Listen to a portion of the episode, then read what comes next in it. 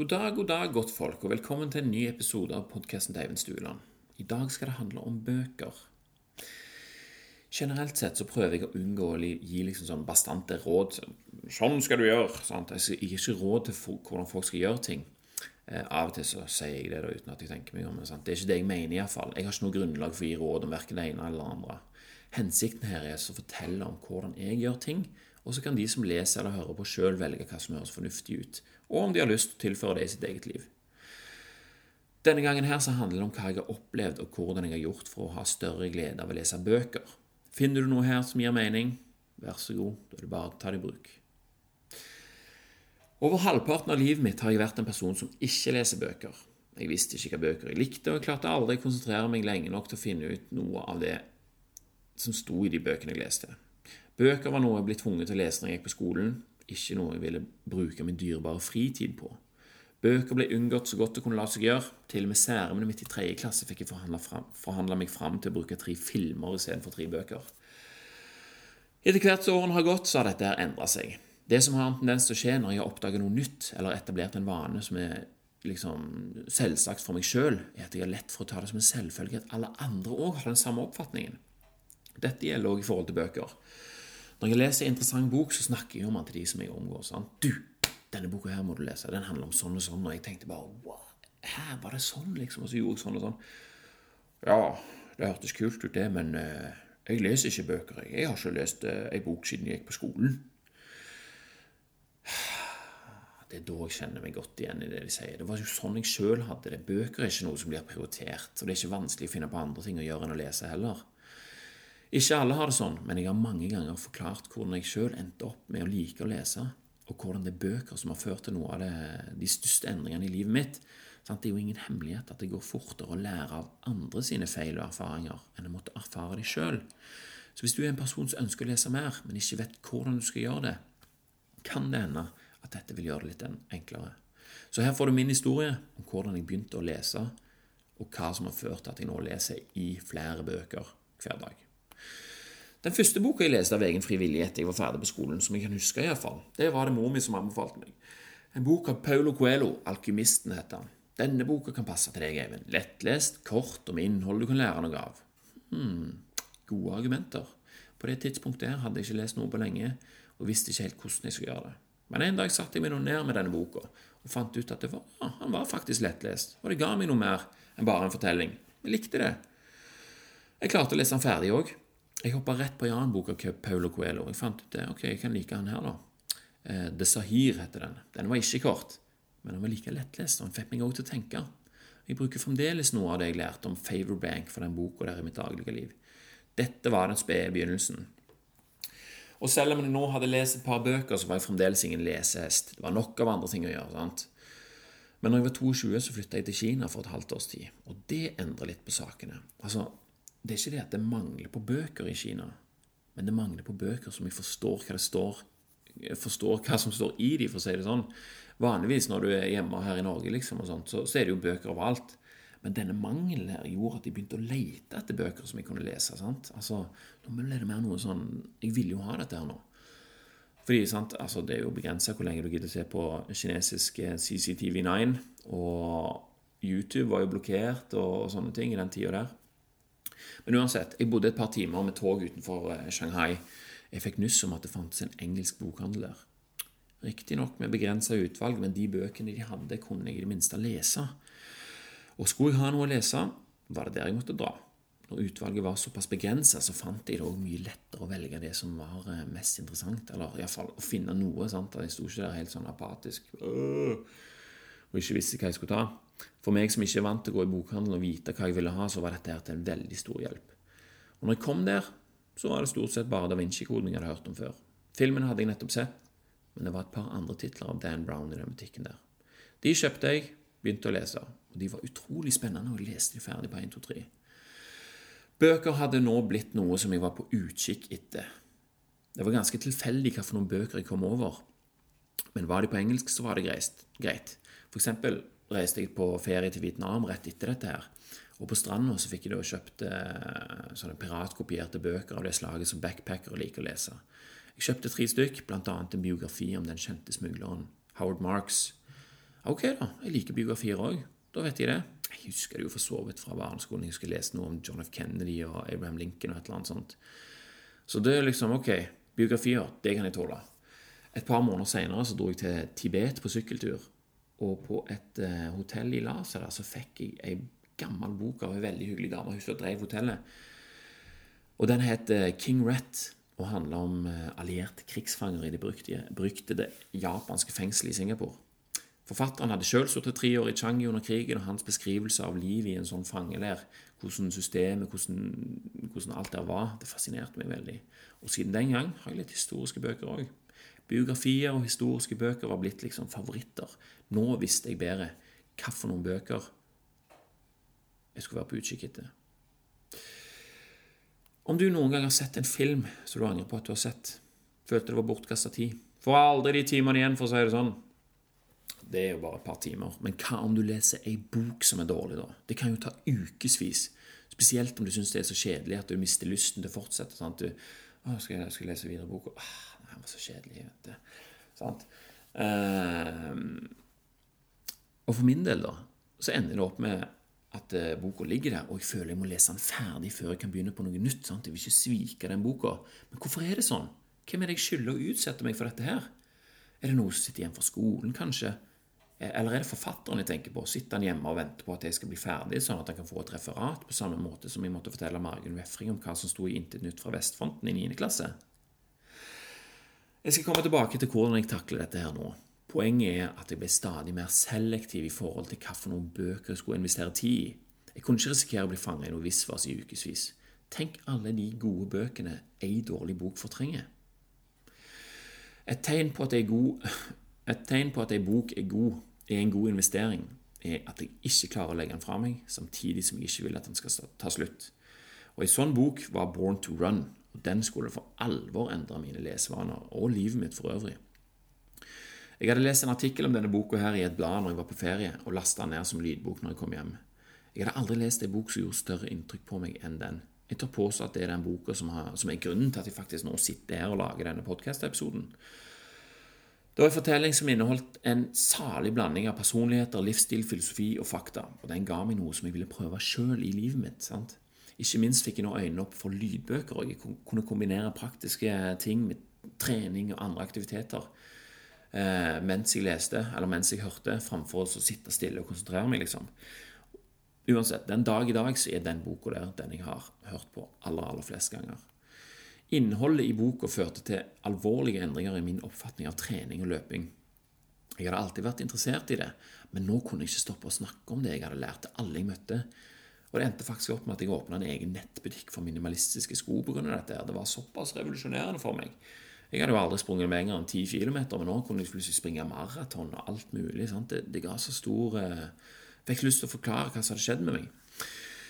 Det var veldig få som hadde hørt om dette her i Norge på det tidspunktet der, men en av de som hadde hørt om det, det var Einar Svindland. Og Han tok kontakt med meg og inviterte meg til å holde foredrag om dette her minimalistiske sko og løpestil og sånn som dette her, hvordan kroppen faktisk fungerer. Eh, så jeg skulle holde foredrag for dette her om eh, for en gjeng med crossfit-entusiaster som var samla i Sandnes. Crossfit Jeg har aldri hørt om crossfit før. Det òg var noe helt nytt i Norge da. Eh, og Her ble jeg introdusert for en fantastisk gøy treningsform og en filosofi som jeg ikke hadde vært borti før. Skikkelig fin gjeng, rett og slett. Og på toppen av det hele så anbefalte Einar meg nok ei bok. Og Denne boka heter The Paleo Solution, ei bok som skulle forandre det grunnleggende synet mitt på mat og helse. Trening og mat var altså blitt min aller største interesse pga. disse to bøkene. her. Jeg leste alt jeg kom over, og reiste på kurs og foredrag i øst og vest. Det ene førte til det andre, og snart jobbet jeg faktisk sjøl på et crossfit-senter. og Der fikk jeg muligheten til å snakke så mye om dette som jeg bare orka, i tillegg til å få betalt for det. Det er nok det kjekkeste jeg har gjort i min karriere, for å si det sånn. Interessen for dette her fortsatte å etablere nye elementer i hverdagen min, og snart var det både hønsehus og grønnsaker i hagen. Jeg forma livet mitt etter hva jeg lærte i disse bøkene her. Og det livet jeg lever nå, kan jeg da på en måte spore tilbake til den lille artikkelen om Born to Run. Det er så klart mulig at jeg hadde kommet over dette her ved en annen anledning, men det var iallfall sånn det skjedde i dette tilfellet. Ei bok som tok meg til en annen, som brakte meg til en ny og en ny. Et tema som tog, brakte meg til et annet tema, og etter hvert så var jeg blitt så å si altetende. Filosofi, økonomi, historie, selvhjelp, hva som helst. Når alt kom til alt, så viste det seg at jeg var en person som likte å lese likevel. Jeg måtte bare finne de riktige bøkene og de riktige grunnene til å lese de. Bøker er jo nå en stor del av hverdagen min, både lydbøker og papirbøker. Spesielt etter jeg oppdaga at jeg kunne lese i flere bøker samtidig. Ikke bare én gang. Sant? Du forsto det?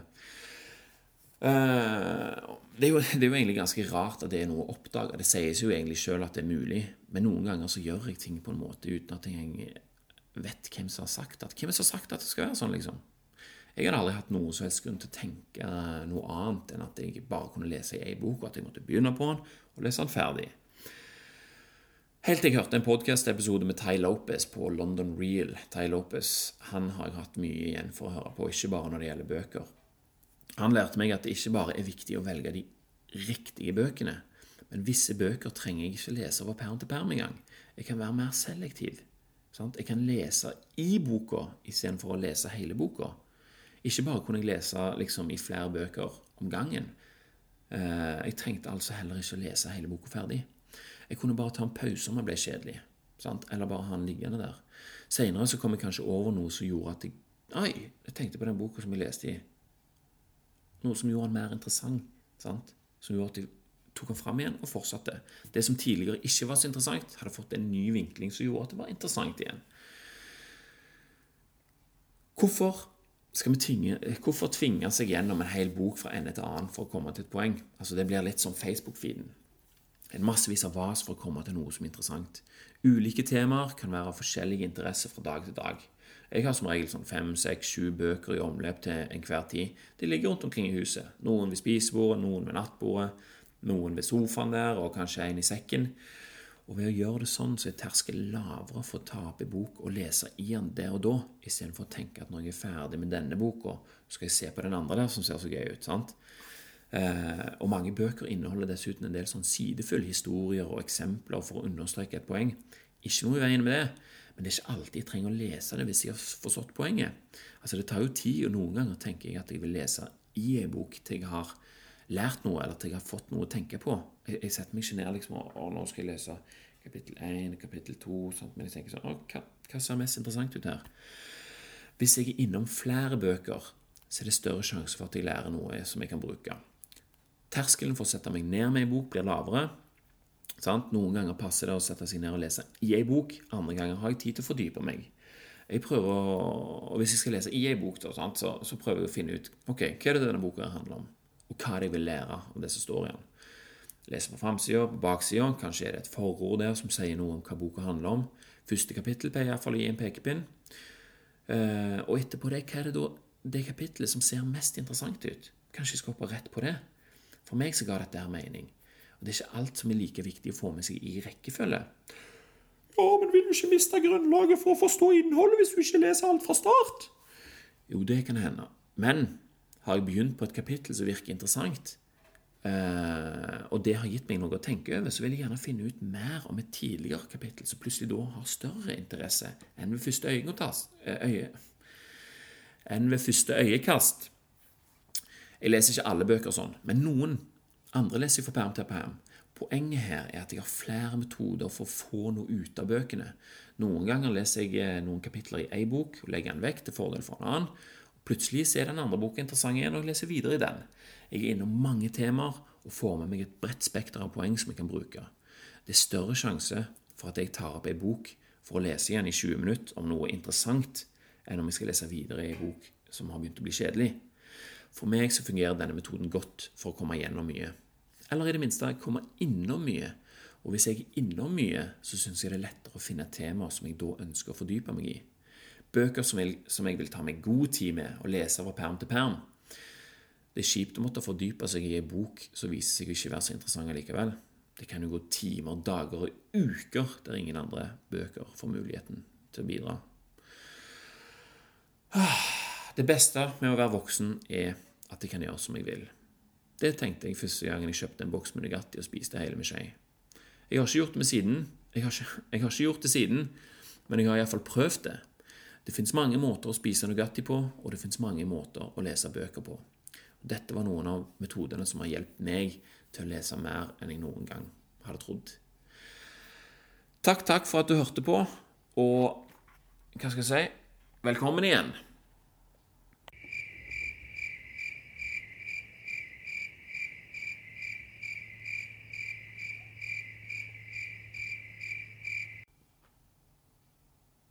Ja, hallo. Jeg tenkte du skulle få en liten bonus her. Eh, litt om hvordan jeg legger til rette for at det til enhver tid er en god del bøker å velge i huset. Altså Hvis du ikke har bøker hjemme, så, så kan du ikke gjøre alt dette her. Så her skal du få et par, eh, et par metoder. Nummer én Jeg bor i Sauda, og hver lørdag så er bruktbua åpen fra klokka ti til klokka ett. Og da, hvis jeg har muligheten, stikker jeg som regel innom der. Altså, Da er det stort sett gamle klassikere som dukker opp der. Hamsun og Hemingway og andre, andre sånne klassikere. Altså, det, det, er gøy å se hvordan disse liksom, store forfatterne skrev, da. Og så kan det være andre gullgruver som dukker opp. sånne Hageselskapets grunnbok fra 1960, f.eks. 'Trivsel i hagen'. Den kommer fra bruktbua. Den leser jeg en del i uh, før våren kommer, f.eks. når jeg skal planlegge kjøkkenhagen. Gamle bøker inneholder ofte gode triks som er blitt fortrengt av ny viten, men som senere viser seg å være gode likevel. Fatter du? Dessuten så koster bøker på bruktbua bare 10 og 20 kroner. Et lavterskeltilbud. og jeg vet aldri hva som dukker opp når jeg går der. Spennende er det, rett og slett. Ok, tips nummer to. Jeg gir ikke tips. Det glemte jeg ut. Uansett. Nummer to. Når jeg leser, så, uh, når jeg leser eller hører på podcaster eller snakker med noen som uh, Ja, og det kommer opp ei, ei, bok som høres interessant ut, så legger jeg den rett inn på Wishlist på Amazon eller på Adibris. Etter hvert som jeg leser meg ferdig uh, i de bøkene som jeg har hjemme, så bygger det seg altså opp en ny bunke med bøker på disse nettsidene her. Og når jeg begynner å merke at det er lite å velge i, i heimen, så går jeg gjennom disse bunkene her og bestemmer meg for hvilke bøker jeg vil bestille her og nå. Resten lar jeg ligge til seinere. Kanskje bestille ja, 10 bøker, da, 10 eller 15 bøker i slengen. Uh, og det som jeg har nylig oppdaga, som jeg ikke visste, er at det er nesten like billig å bestille engelske bøker fra Norge som det er fra Amazon. Dessuten kommer de mye raskere fram, og det er jo kjekkere å støtte en bedrift som er nærmere hjemme. Nummer tre. Når det nærmer seg jul eller bursdag, er det greit å ha litt liggende på denne lista her. Den sender jeg da til familien, så får de se om det er noe der de har lyst til å gi gave. Bedre å få noe som en faktisk vil ha, enn nok et par med hansker. No offense til de som har gitt meg hansker. Det er gjerne klassiske bøker, eller bøker som jeg ikke ser for meg at jeg kommer til å lese med det første, men som jeg gjerne vil ha tilgang til om jeg skulle finne på uh, å lese det. liksom. Jeg, vil på en måte ha det i hylla. Uh, så det er sånne bøker som som jeg sa tidligere, sant, at, eh, at, de blir liggende igjen på lista. Liksom, og så Når jul kommer, så ligger de der, og så, og så, får de kanskje. Etter jul så tar jeg en gjennomgang og ser på hva jeg har fått og ikke fått. Og eh, de som er på lista som jeg da vil ha, de bestiller jeg. Resten venter jeg meg kanskje til bursdagen. sant? Eller når det melder seg et større behov eh, enn hva som er for øyeblikket. Så sånn gjør iallfall jeg det. Du kan gjøre hva du vil. Noen er f.eks. veldig glad i Nugatti og pølsebrød. Takk for i dag, og ha en fortreffelig dag du med deg sjøl. Det kommer så mye godt ut av det. Det sprer seg, vet du. Sant vel?